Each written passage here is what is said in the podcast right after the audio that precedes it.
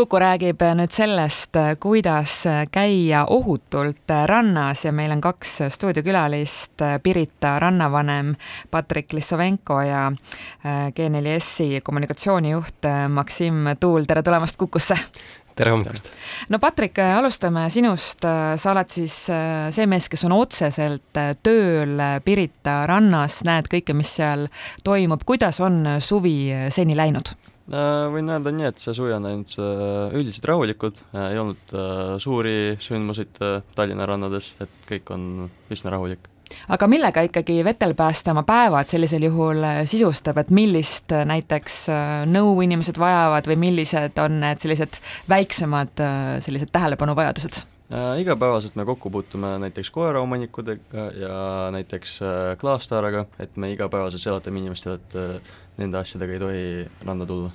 Kuidas lugu on lastega, ma olen kuulnud, et et kas nendega tohib randa tulla? Et pigem on probleemiks jah see, et, et vanemad lasevad mõnusasti silma kinni ja, ja lapsed kaovad nende käest ja no võtta seda Pirita rannaalagi, see on nii suur, et seal annab ringi joosta päris mõnusasti ja kadumismänge mängida. Äh, jah, Pirita rand on äh, üsna suur rand ja kui lapsevanem ei jälgi oma last, siis ta võib kergesti kaduma minna aga kui laps läheb kaduma, siis GNS rannavalve tegeleb sellega ja me võime seda last üles leida. noh, te jätate ta siis enda juurde või üritate käia mööda randa ringi ja otsida, et äh, kes on sama nägu kui see laps või, või mille järgi te tuvastate? see sõltub olukorrast, et kõik olukorrad on äh, erinevad, äh, vahest jah, kui laps on kadunud, siis me ütleme nii, võtame ta enda juurde, sest et meie juures tal on palju turvalisem, kui ta niisama käib rannapiiri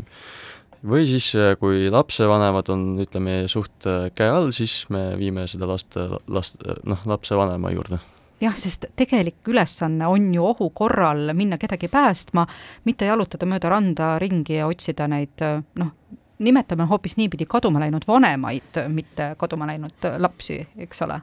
jah,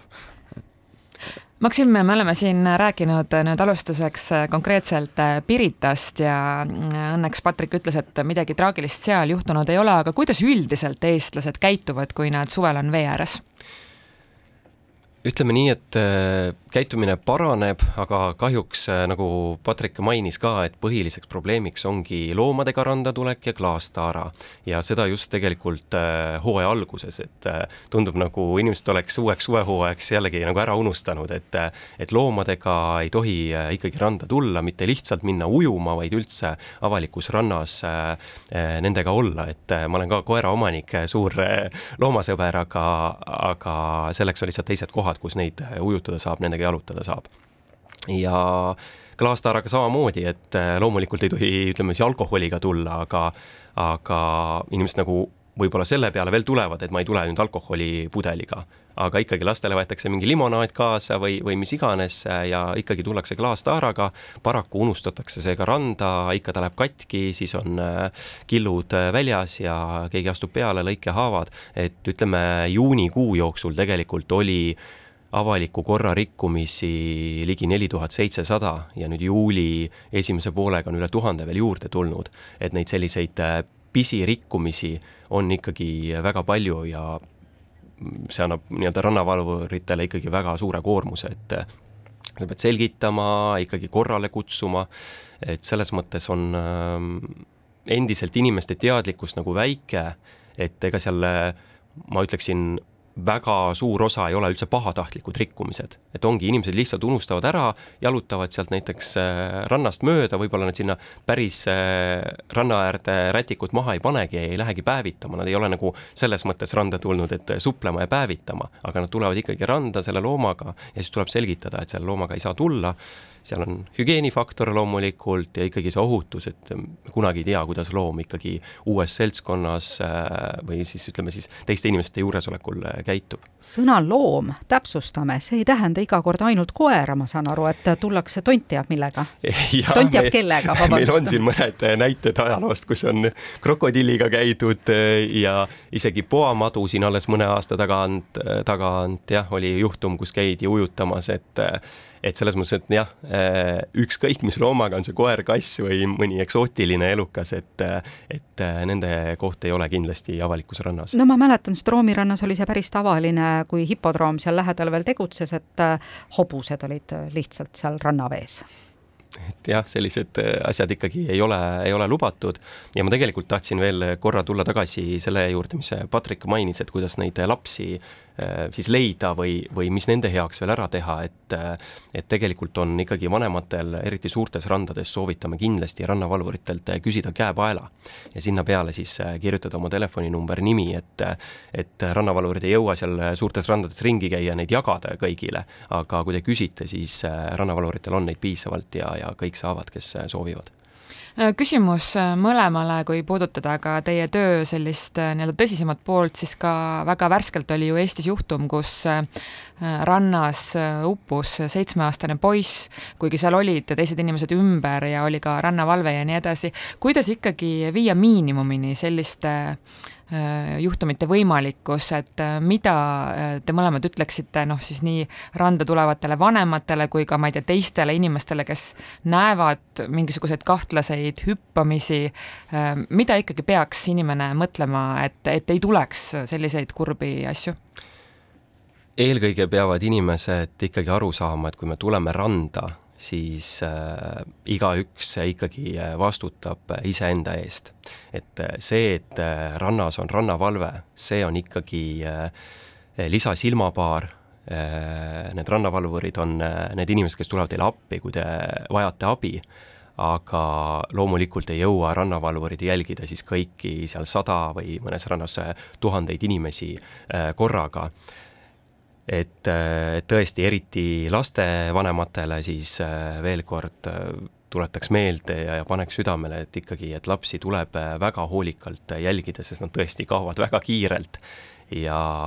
kunagi ei tea, et kas ta läheb siis vette, läheb kuhugi lihtsalt ringi kõndima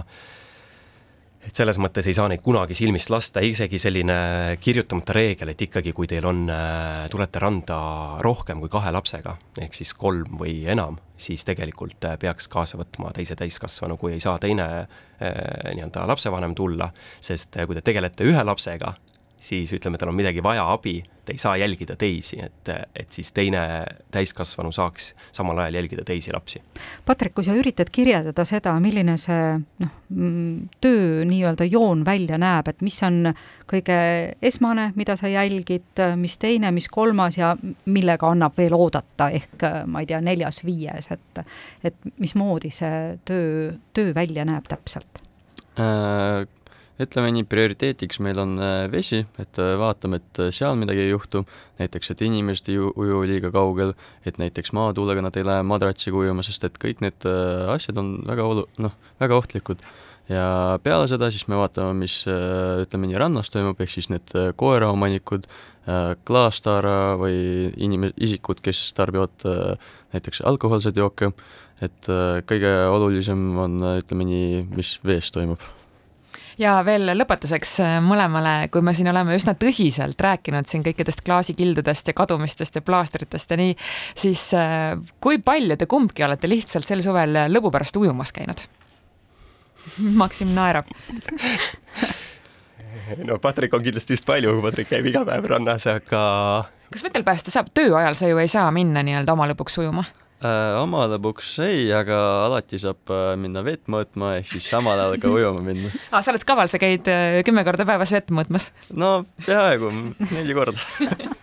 jah, ma nüüd mõtlesin ja ma vist ei olegi sel suvel äh, randa jõudnud no siis on sul äh, siin veel natukene aega, umbes äh, ma ei tea, augusti lõpuni.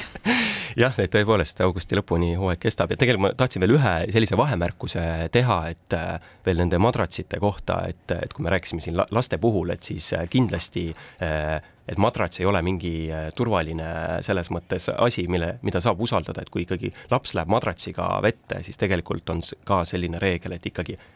lapsevanem peaks jääma ranna, tähendab, laps peaks jääma ranna ja lapsevanema vahele. ehk siis mm, -hmm. et tuul ei viiks ikkagi lapsi ära. no üks küsimus veel, Patrik, kas äh, Pirital kunagi oli see vaidlus ja kaklus seal, et kas ka nudistid võiksid randa tulla, kuidas sellega praegu olukord on, kas kipuvad inimesed teinekord ka noh, nagu kõik riided ära võtma, loomulikult me eelistame rannas olla väheste riietega, aga kas tuleb aeg-ajalt minna ja koputada õlale öelda, et kuulge, pange midagi selga? selliseid juhtumeid äh, ikka oli selle hooaja jooksul, aga neid on nii vähe, et äh, ei ütleks, et äh, inimesed nagu meelega tulevad ja võtavad ennast paljaks seal väga tore, igal juhul suur aitäh intervjuu eest, me kuulsime siis, milline on elu Eesti randades ja meiega vestlesid G4S-i kommunikatsioonijuht Maksim Tuul ja Pirita rannavanem Patrik Lissovenko, aitäh! aitäh!